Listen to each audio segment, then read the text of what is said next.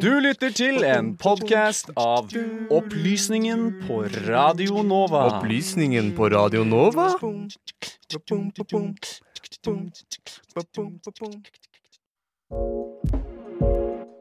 For Trump så har han både vunnet og tapt. What did I think when Maduro took power? Well, he's a clown. Det koster mye å gjøre store endringer. You know, I think if we can't do it in Norway, we can't do it anywhere. Nei, De har jo ikke noen fremtid. De sitter jo bom fast. Du lytter til Radio Novas samfunns- og aktualitetsmagasin Opplysningen. Det snakkes mye om viruset i Wuhan i mediene om dagen. Er det grunn til å bli hysterisk? Det er nå tre år siden president Trump gjennomførte The Global Gag Rule. Men hva er denne loven? Vi har snakket med internasjonal ekspertise. Enkelte mener antibiotikaresistens er vår generasjons største kommende utfordring. Vi skal få høre med førsteamanuensis Sigurd Høie.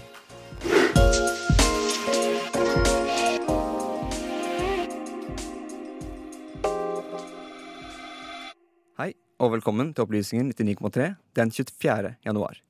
Jeg er Sebastian Hagel og skal bistå deg gjennom denne sykt gode sendingen, hvor vi annet skal snakke om kutt i helsebistand, mye omtalte virus, og få et etterlengtet gjenhør med hva som blir lest og ikke lest på hele Norges store norske leksikon. Med meg på denne reisen har jeg alltid friske Sander Zakaria bak spakene og Trym Fjellheim Karlsen ute på gangen med gjest. Du hører på Radio Novas samfunns- og aktualitetsmagasin Opplysningen. Opplysningen hver fredag mellom klokken 10 og 11 på Radio Nova.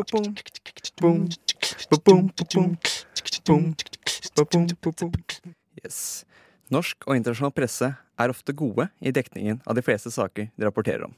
Men noen ganger hender det at en sak er for god til å forklare alle nyansene. Wuhan-viruset og dekningen av dette i media er det første du skal få høre noe om i denne versjonen av Opplysningen 99,3. Det fins de som mener en ikke kan stole på det media forteller. Andre mener media er unyanserte, og at den økonomiske modellen de arbeider med, gjør seg best med det sensasjonelle og klikkvennlige. Som i grunn er rettferdig. Man skal få ting til å gå rundt. Er man en bedrift, skal man tjene penger.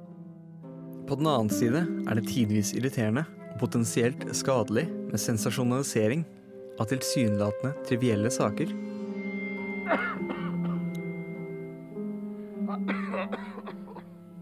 Alle har den siste tiden blitt fortalt om Wuhan-viruset. Infeksjonen som deler symptomer med lungebetennelser og andre lungesykdommer. Viruset er et koronavirus, slik som viruset bak SARS, eller SARS, eller av Severe Acute Respiratory Syndrome, en luftveisinfeksjon som epidemisk herjet tidlig 2000-tall i Kina. Og utbruddet av det lignende MERS-viruset i Midtøsten tidlig forrige tiår. Et koronavirus i seg selv er ikke farlig. Store norske leksikons artikkel om temaet kan opplyse at det er blant de mest typiske kildene til vanlig harmløs forkjølelse, men kan også være opphavet til lungeinfeksjoner som SARS og dette Wuhan-viruset vi nå står overfor. WHO, Verdens helseorganisasjon, har hatt en relativt avmålt respons til utbruddet i Wuhan. De har visst om utbruddet helt siden 31.12., noe som er over tre uker i skrivende stund. Og reiserådene fra Folkehelseinstituttet her i Norge angående Wuhan var kun å unngå smittede personer og markeder hvor de solgte døde dyr, samt håndvask og hygienisk forsvarlig matlaging. Per nå har flyplassen i Wuhan blitt stengt for inn- og utflygning, igjen godt over tre uker etter utbruddet. Så hva er ståa? Hva er det jeg sier? Er ikke dette viruset farlig? Det skal jeg ikke begi meg ut på å si. I skrivende stund har nemlig 17 personer dødd i Wuhan, og én person har dødd utenfor den originale smittesonen. Mennesker dør, og det er bevist at sykdommen er smittsom mellom mennesker i en viss grad. Dommedagsprofetien bygges videre ved at det er kinesisk nyttår rett rundt hjørnet. Å reise er en måte kineserne feirer det nye året sitt. I tillegg presenteres muligheten for mutasjon i viruset. Men med informasjonen om viruset og kinesisk respons slik den har blitt presentert, later det ikke til at dette er starten på en global pandemi vi trenger å være redd for her i Norge. Kineserne har tilsynelatende oversikt over alle inn- og utreisende fra Wuhan under smitteperioden, og har blitt belønnet for deres innsats i smitteforebyggende arbeid av bl.a. WHO. Dette er ikke det samme Kina vi så for 18 år siden, da sars-epidemien sto i, og dette er heller ikke samme type virus som sars var. Kort sagt, med mindre vi får inn rapporter om mutasjon eller økt smitteeffekt fra gode institusjoner, ser man få grunner til å engste seg over dette viruset, så fremt du ikke allerede er smittet av det.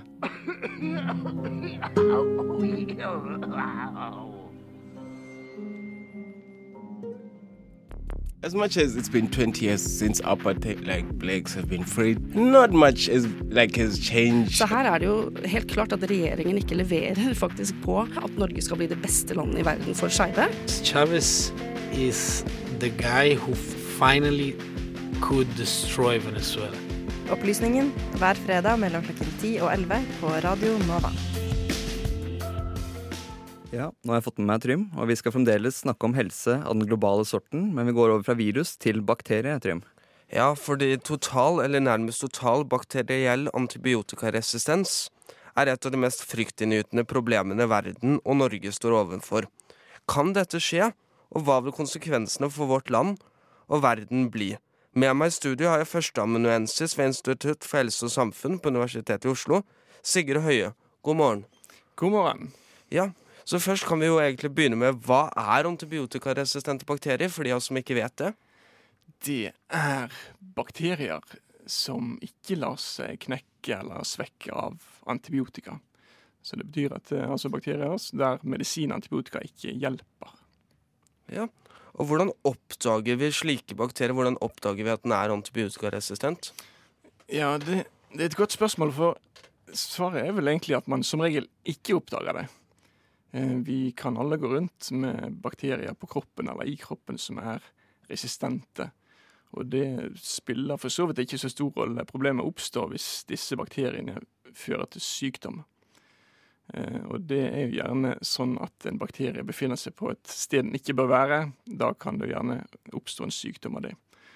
Og hvis man da prøver å behandle denne sykdommen med de vanlige typene antibiotika som man som regel bruker mot sånne typer infeksjoner, og man ikke blir bedre eller frisk, så eh, er det jo da på en måte på tide å finne ut hvordan type bakterie dette er. Så det er på en måte den vanlige måten å finne ut av det på, at, at man har en antibiotikaresistent bakterie. Det er at behandlingen ikke virker. Ja, og Hvordan blir bakterier resistente? Hva er det som gjør at den ikke tåler antibiotika lenger? Ja, er, en, det er, mange forskjellige mekanismer og metoder eh, som gjør at det skjer. Og man kan se på det parallelt som, som eh, darwinistisk evolusjon, på en måte. At eh, bakteriene, sånn som alle andre arter, de tilpasser seg miljøet de befinner i. Og det kan skje via mutasjoner, endring i arvestoff. Så er det da noen eh, bakterier som trives godt, eller som overlever i et miljø der det er antibiotika. Så, så, det oppstår på den, på den, måten at man på en måte fremelsker noen typer egenskaper. Noen, noen bakterier vil alltid være resistente, og eh, hovedproblemet er at man på en måte fremelsker de bakteriene som er resistente. Nettopp. Og hva er egentlig situasjonen for, det, med, for dette i Europa og Norge? Hvor, hvor, stort er problemet nå i Europa og Norge? Ja, det, det, det, er for det første et litt forskjellig problem i ulike deler av Europa. Eh, vi kan jo si at det er et eh, altså Det er ikke grunn til å ikke si at det er et stort problem. Det er et stort problem, og det er et økende problem. Eh, I Norge sier vi at det foreløpig er et begrenset problem, for det er ikke så mange dødsfall eller så mye ekstra sykelighet pga. resistens i Norge foreløpig. Men i andre europeiske land, og særlig i Sør- og Øst-Europa, så er dette et betydelig problem som man alltid må ha i tankene. Og særlig på sykehus, da. Det er, jo, det er jo stort sett på sykehus og ved alvorlige infeksjoner at dette er et problem. Infeksjonene blir vanskeligere å behandle, det tar lengre tid, og i verste fall så får man ikke til å behandle infeksjonen i det hele tatt. Ja, Hvordan er det da man kan behandle sånn infeksjon hvis du har fått en sykdom og det viser seg at bakteriene er resistente? Hva gjør man da? Ja, som regel så er jo eh, altså resistens eh, viser jo til at én bestemt bakterie er bestemt for én type antibiotika eller en klasse antibiotika. Så ofte har man jo andre typer antibiotika man bytter til. Og det har vi jo stort sett, det får vi stort sett til i Norge. Eh, men i, eh, i noen land så og noen bakterier er jo multiresistente, altså er resistente mot mange eller alle typer antibiotika. Og da står man uten noe særlig hjelpemidler. Men vi har jo også god støttende behandling. Eh, så det er klart at det man gjør, er å gi pleie og væske og omsorg og, og andre typer medisiner for å, for å for å se an om kroppen selv klarer å bekjempe den infeksjonen. Men noen ganger går altså ikke det. Nei, Så hvis en bakterie er multiresistent og ikke tåler noen type antibiotika, har vi noen andre medisiner som har lignende effekter som antibiotika? Nei, foreløpig har vi jo ikke det. Altså, det, det er antibiotika vi bruker for å, for å drepe og svekke bakterier. Men eh, som et eksempel så er det jo verdt å, å tenke at det, det, altså Før antibiotika kom, så var jo ikke alle alvorlige bakterielle infeksjoner nødvendigvis dødelige. Det gikk jo an å, gikk jo an å overleve, for å si det sånn, og det samme gjelder jo nå også. Eh, så støttende behandling jo, gir man jo selvfølgelig alltid i tillegg til antibiotika. Mm. Du nevnte jo det at problemet ikke er så stort her i Norge. Så hva er det som vi her i Norge gjør for å enten løse eller da begrense problemer, slik at vi ikke får østeuropeiske tilstander, hvis man kan si det sånn? Ja, sånn kan man si det. Og det, det vi eh, Først vil jeg jo si at vi har vært heldige og eller flinke i Norge ved at vi har hatt eh, en, en, veldig, eh, hva skal jeg si, en veldig rasjonell bruk av antibiotika i Norge i lange tider. Og det finnes det det, det, er skrevet, eh, forsket mye på det, og det, det, man har måte, funnet ut hvorfor det har blitt sånn i Norge. Og det viktigste er nok det at vi har vært flinke til å ikke ta inn nødvendigvis alle nye og fantastiske medisiner på markedet. Vi har prøvd å, å klare oss med de typer antibiotika vi har hatt, så lenge som mulig. Og det ser vi jo, eh, det ser vi jo fordelene av nå. Men det vi gjør videre, det er jo å prøve å bruke antibiotika så fornuftig som mulig. Eh, og så er det jo en, en, masse andre ting eh, folk der ute kan gjøre for å unngå infeksjoner og for å unngå antibiotikaresistens. Så det, det vi gjør bl.a. Eh, på vårt senter, Antibiotikasenteret for primærmedisin, er at vi underviser og kurser både helsepersonell og befolkningen i hva man selv kan gjøre for å unngå unødvendig antibiotikabruk. Ja, så for, Nei, men for de av oss som ikke har hørt om dette antibiotikasenteret før, kan du fortelle bare litt mer om hva, hva det er? For jeg tror ganske mange der ute ikke vet, vet hva dere driver med. Ja, det er et, det man kaller et nasjonalt kompetansesenter som har eh, som formål å drive kvalitetsforbedring, eh, utarbeide retningslinjer, kurse helsepersonell og befolkningen. Men det er jo i hovedsak eh, helsepersonell innen primærhelsetjenesten som er vårt fokus. Og så finnes det tilsvarende senter som, som har et fokus på sykehus. Så det vi bruker veldig mye tid på, det er å det er å på en måte ja, drive kvalitetsarbeid, særlig blant fastleger, legevaktsleger, sykehjemsleger og annet eh, helsepersonell i primærhelsetjenesten. Hva er det de i primærhelsetjenesten, hva kan de gjøre? Hva slags tips er det dere gir til de for å eh, jobbe med det problemet? Ja, altså um, Mesteparten av antibiotika i Norge det skrives ut i primærhelsetjenesten, altså fastlege eller legevakt. Og det er ikke fordi at de legene er mer slepphendte, men det er fordi at det er der de aller fleste infeksjoner oppstår og diagnostiseres og behandles. Og det vi gjør der ute, er egentlig ho Hovedsaken er at vi tilbyr rapporter der enkeltlegene får se hva de selv forskriver. Det er på en måte nøkkelen i alt kvalitetsarbeid. At man ser hva man selv gjør, og så kan man sammenligne med andre, og så kan man prøve å forbedre seg. Så vi har et 15 timers kurs som vi tilbyr gratis til alle fastleger, annet. Og det har vært veldig effektivt både med tanke på at mange fastleger ble med, ca. halvparten av alle fastlegene i Norge er med eller har vært med. Og i tillegg så er det sånn at de legene som er med på kurset, de reduserer også bruken av antibiotika, og de reduserer bruken av bredspektret antibiotika.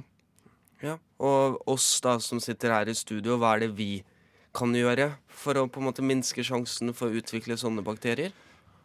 Ja, det, der har vi laget noen eh, tips som vi har på våre nettsider rundt omkring. Eh, og da er det fem korte råd. Det handler i hovedsak om å unngå å bruke antibiotika unødvendig. Så for det første er det viktig å forebygge infeksjoner ved, ved å følge vaksinasjonsprogram, vaske hender, god hygiene generelt. For det andre så er det viktig å se an en liten stund. For de aller fleste infeksjoner, da snakker vi særlig om luftveisinfeksjoner, går over av seg selv uten bruk av medisin. For det tredje så er det viktig når man da er hos legen, at man snakker om antibiotika. For altfor ofte er det sånn at legen skriver ut antibiotika fordi man forventer at pasienten vil ha. Ikke for å være, nødvendigvis være veldig sånn etterkommende, men fordi at, eh, at man kanskje heller vil Eh, at man gjerne vil unngå en, en, en debatt og, og, eh, ja, altså spare på en måte lege-pasient-forholdet for, for, den uh, diskusjonen. For det fjerde så er det viktig å kun bruke antibiotika når du får det på resept fra legen. Og for det femte så anbefaler vi at man returnerer ubrukt antibiotika til apoteket. Ja, men det høres egentlig ut som veldig gode tips, og jeg tror at vi har egentlig det vi trenger der. Tusen takk for at du kunne komme, Sigurd, Sigurd Høie. Det var veldig hyggelig å prate med deg. Det var hyggelig. Takk for at jeg fikk komme. Og så er også Radio Nova her for å gjøre opptak til sendingene sine. Opplysningen. Vi er der det skjer. Opplysningen.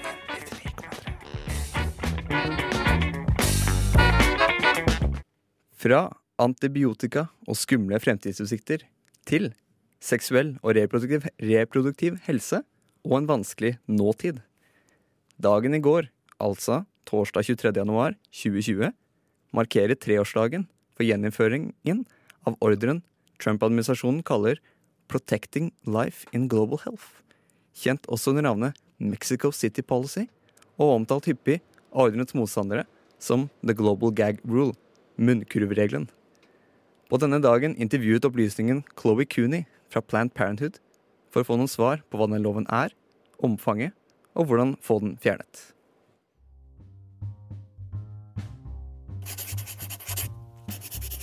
Well, it was the strike of a pen. That's what's so um, kind of scary of how efficiently he got this done. Du husker kanskje det ikoniske bildet av Donald Trump som omringet av en gjeng hvite menn, skrev under på sin første presidentordre. Men husker du egentlig hva ordren går ut på? Ordren, som offisielt er kjent som Protecting Life in Global Health Assistance, var president Trumps første ordre i sitt presidentskap. Men hva går denne ordren egentlig ut på? Jeg tok turen ned til Stortinget der organisasjonen Sex og politikk var samlet for å snakke om hvordan denne loven har preget verden tre år etter at den ble innført. Der møtte jeg Chloé Cooney fra organisasjonen Planned Parenthood Federation of America, og jeg spurte henne hva denne loven eller som den ofte omtales som global gag rule, er for noe. Yeah, the global gag rule is uh, an insidious policy. Um, it's been around as a concept uh, for a number of years, uh, starting in, with Ronald Reagan in 1984, um, where he put a condition on international family planning assistance that anyone who received that funding uh, was prohibited from using any source of funding, including their own personal money, not from the U.S. government, to do any activity related to abortion, even counseling, referral, education, uh, direct services, and even prohibits um, those organizations from advocating for the uh, legalization of abortion in their own countries. So, very anti democratic. It's been on and off depending on who was in the White House. Um, and Trump, on his first Monday in office, just days after the historic and global women's marches, not only reinstated it, but dramatically expanded it. So it now applies to all of U.S. global health assistance. um, which is a, about a $9 billion portfolio and uh, vastly sort of reaching ever. Altså var ikke Trump geniet bak denne loven. Men allikevel så blir den mer snakket om nå enn det den ble tidligere. Grunnen til dette er at loven nå er mye verre enn før. Forrige gang loven var aktiv, ble den innført av president George Bush jr. i starten av hans presidentskap, og ble så fjernet av president Obama. Bush jr. sin lov hindret rundt 600 millioner amerikanske dollar fra å bli utdelt i bistand. Trumps versjon av loven hindrer nærmere 9 milliarder dollar fra å bli utdelt i bistand. Applying it to the entire global health um, portfolio, it encompasses the HIV/AIDS program, PEPFAR, which is the by far the largest share of U.S. global health programming. Um, malaria, maternal health, etc. So, um, you know, in a time when for the last decade, we've been working so hard to ensure global health is more intersectional and connected so that um, patients can get all the care they need in one doctor's visit. The gag rule really undermines that goal, um, and it's cutting off, you know, the most qualified sexual health providers, which again are vital for not only reproductive health, but maternal health, but HIV as well. Men dette er ikke det eneste problemet med denne loven. Trump er jo tross alt utskiftbar i år. Hva om det kommer en ny demokrat til makta, og vedkommende avskaffer denne loven? Da er det vel ikke så farlig lenger.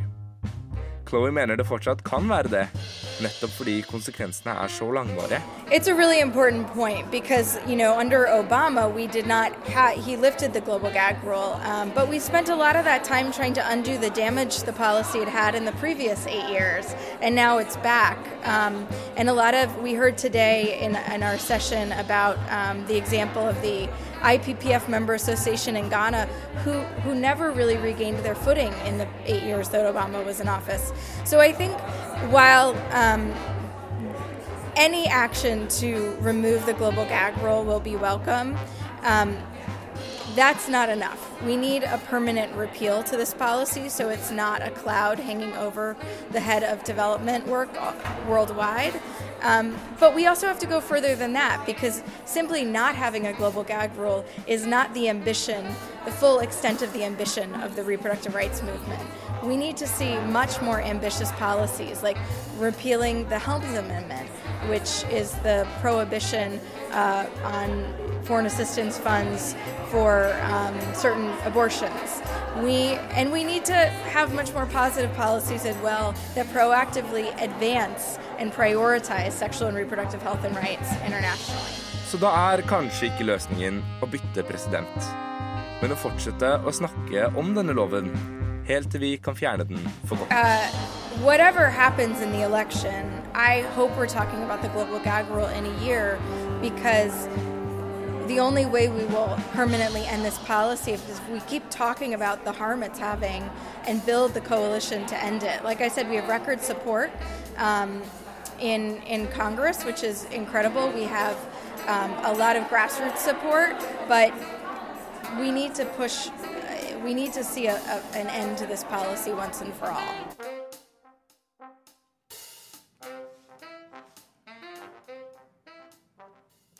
Og reporter i denne saken var Sander Zakaria. Etter en kjapp pause skal du få høre hva Kjersti Augland, seniorrådgiver i den norske avdelingen av The Plant, International Planned Parenthood, har å si om, denne, om dette lite gledelige jubileet.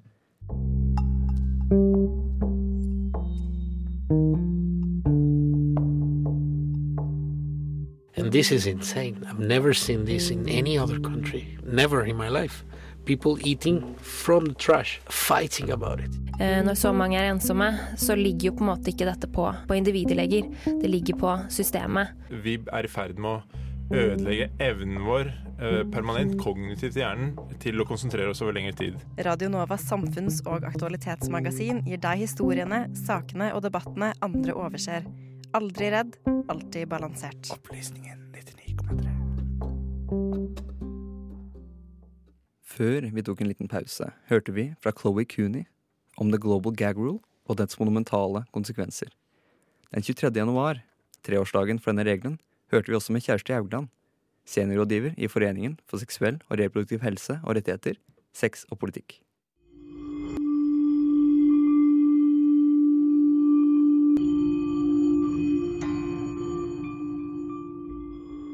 Eh, amerikansk helsebistand er en veldig veldig stor eh, aktør eh, internasjonalt. De bidrar med mye penger. men europeiske myndigheter bidrar også veldig mye. Og Det er viktig at uh, europeiske myndigheter og donorer står opp og er en tydelig stemme for seksuell og reproduktiv helse og rettigheter når USA endrer på sin politikk. Det Kjersti snakker om her, er den europeiske responsen til Global Gag Rule, hvor vi har sett en økning i bistand til land i sør, organisasjoner som bedriver SRHR, eller seksuell og reproduktiv helse og rettigheter, i møte med den abortfiendtlige amerikanske politikken fremmet av generasjoner med republikanske presidenter. Norges økonomiske muskler på bistandsfronten kan ikke nærme seg hullet etterlatt av mangelen på amerikansk bistand. Men Kjersti mener fremdeles at norsk bistand er verdifull. Selv om Norge i seg selv kan være liten og et lite land, så er vi med på å gjøre en forskjell for å sikre bedre tilgang for eh, helsetjenester, bedre tilgang på trygg abort og prevensjonsmidler for ungdom og eh, kvinner i Malawi og Uganda og ja, land i Et dilemma som ofte blir nevnt i sammenheng med Global Gag Rule, er et slags matematisk stykke hvor organisasjoner er avhengige av amerikansk bistand for å holde sine helsetiltak gående, og må velge hvorvidt de ønsker å skrive under og motta bistand for å kunne fortsette sitt arbeid med f.eks. prevensjon eller andre helsetilbud, men åpne opp for flere utrygge aborter som årlig tar 22 000 liv på verdensbasis. Eller ikke underskrive og fremdeles fortelle om å utføre trygge aborter, men med store økonomiske kostnader som kan resultere i begrenset helsefremmende effekt. Dette leder til et slags utilitaristisk mareritt, hvor man må utføre prognoser og sette to streker under svaret, og det er tapte menneskeliv utregningen baserer seg på. Kjersti satte ord på dilemmaet slik. Det er en veldig velkjent problemstilling. og altså, Sexpolitikk er jo en del av International Planned Parenthood, som er den største federasjonen for seksuell og reproduktiv helse og rettigheter internasjonalt.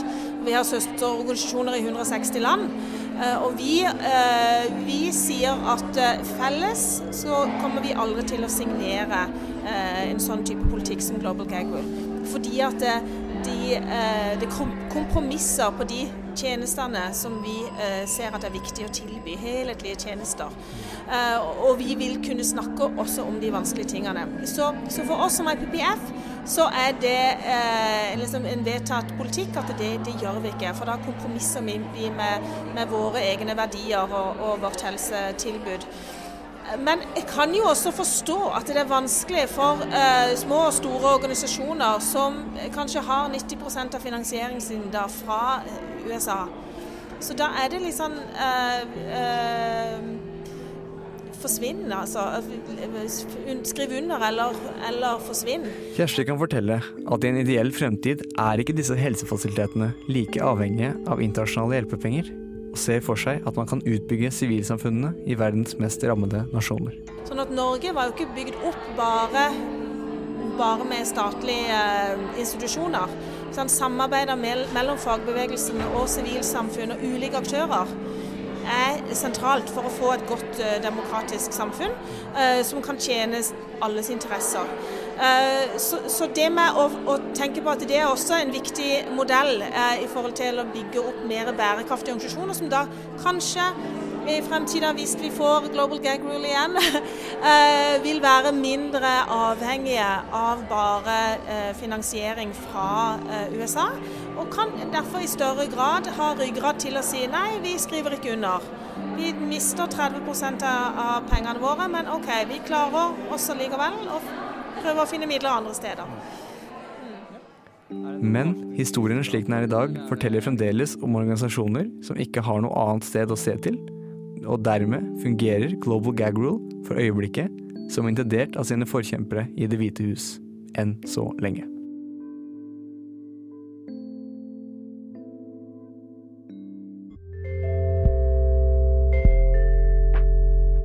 teknologi og digitalisering gjør at det vi ikke fikk til for noen år siden, det er mulig nå. At det å stadig vekk skulle balansere mellom frihet og ufrihet Det er ikke noe særlig lurt å stole på viljestyrken, f.eks. Kirkas demokratisystem. Opplysningen hver fredag fra klokken 10 til 11.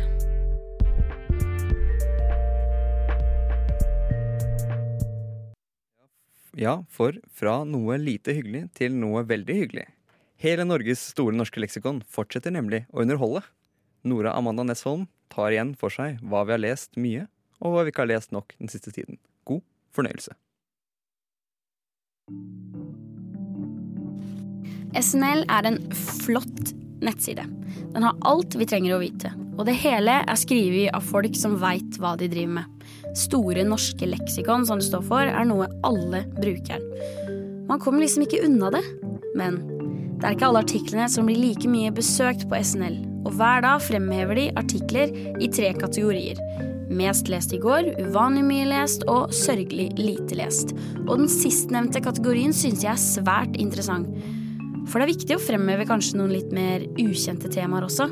Så her, i skrivende stund, skal jeg presentere noen av disse sakene som SNL synes er sørgelig lite lest.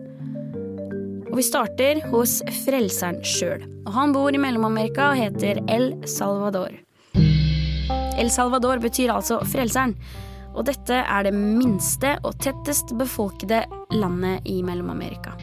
Det bor ca. 6,5 millioner mennesker der, og hovedstaden er San Salvador.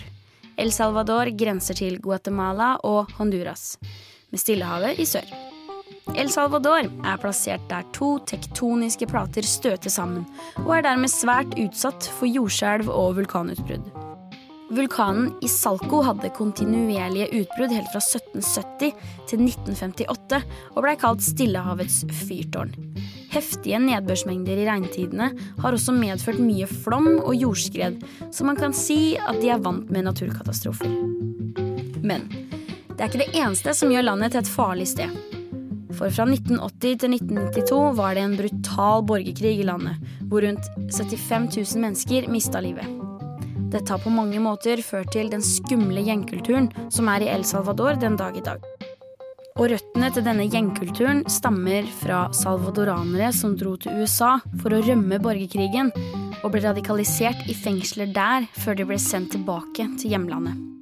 Og nå sies det at hele 10% av befolkningen i El Salvador er gjengmedlemmer, og at de aktive medlemmene er flere enn politiet, militæret og resten av nødetatene til sammen. Nå skal vi over til noe helt annet. Nå skal vi snakke om noe koselig. Noe koselig som det kan hende du lurer på, fordi dette er ikke en sørgelig lite lest sak på SNL, men en uvanlig mye lest sak. Fylkesnummer. Du visste kanskje ikke at hvert fylke og hver kommune i Norge har egne nummer. Det er jo ikke noe man eh, bruker noe særlig i dagligtalen, men eh, kunnskap er kunnskap, så nå skal du få vite det. Norge innførte fylkesnummer i 1946 ved folketellinga. Da var det hele 20 fylker i Norge, og Bergen var et eget fylke helt fram til 1972. Så fylkesnumrene strekte seg enkelt og greit fra 1 til 20. Men i dag har vi jo snevra ned til 11 fylker, så hvis du bor i et fylke som er ferskt sammenslått med et annet, vil jeg gratulere deg med nytt fylkesnummer og attpå høyt sannsynlig et nytt kommunenummer også. Det smaker godt med litt regionsreform. I hvert fall i forhold til det neste temaet. For den siste sørgelig lite leste saken er reimplantasjon. Og vi snakker reimplantasjon innenfor odontologien, altså tenner. For det hender jo at man slår ut en tann. Og da kan altså tannlegen bare putte den tanna inn i munnen din igjen. Men for at det kan skje, så må du ta vare på tanna di i mellomtida. Når en tann faller ut, vil det være levende celler på rotoverflaten. Og hvis disse dør, så blir det veldig mye dårligere prognose. Etter kun én time i luft vil alle cellene være døde, så det må du ikke gjøre. Det du må gjøre, er å enten legge tanna i fysiologisk saltvann, melk eller bevare den i spytt i munnen. Men ikke putt den i vanlig rent vann, for det vil skade cellene.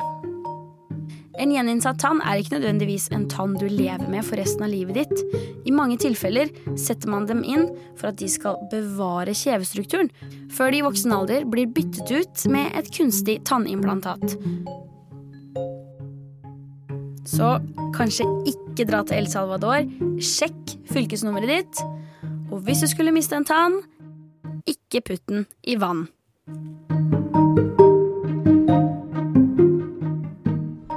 Allikevel så øker bruken av straff. Det døde tre stykker uken etter at de hadde kommet inn der. Så det er ikke bare Donald Trump på en måte som er den ekstreme, rare skru skrullingen. Opplysningen hver fredag mellom klokken 10 og 11 på Radio Nova. Ikke putt tenna i vann, sier Nora. Og med det har reisen vår gjennom helsens verden nådd slutten. Men frykt ikke, etter oss kommer Studentnyhetene på kanalen, og de har som vanlig en actionpacka sending, og med oss har vi Anna. Hva skjer, Anna? Jo, i Studentnyhetene så har vi veldig mye spennende saker i dag. Vi skal bl.a. snakke om at eh, brannen i kjemibygningene ved Universitetet i Oslo. Vi skal snakke om hvordan finansierer studentene utdanning ved privatskoler. Vi får i tillegg en debatt. Som mange har eh, hørt, så har Frp gått ut av regjeringa. Så eh, derfor får vi representanter fra Fremskrittspartiets Ungdom, Arbeiderpartiets studentlag i Oslo og Oslo Liberale Studenter. Så mye spennende. Det høres veldig bra ut, faktisk. Ja. Flott, flott, flott. Da skal vi runde av, og jeg skal meddele at medvirkende til dagens sending var Nora Manna Nesholm, Sander Zakaria og Trym Fjellheim Karlsen. Tekniker i dag var Sander Zakaria. Mitt navn det er Sebastian Hagel. Ellers kan jeg melde at Radio Nova for øyeblikket søker nye medlemmer. Det er infomøte her på Chateau Neuf den 30. januar, og dersom du lurer på hva dette innebærer. Vi søker både amatører og erfarne. I tillegg kan du huske å følge opplysningen på sosiale medier. Radio er som kjent best på Instagram. Du har nå hørt en podkast fra Opplysningen 99,3. Finn denne og tidligere episoder på Spotify, iTunes eller der du måtte finne dine podcaster ellers.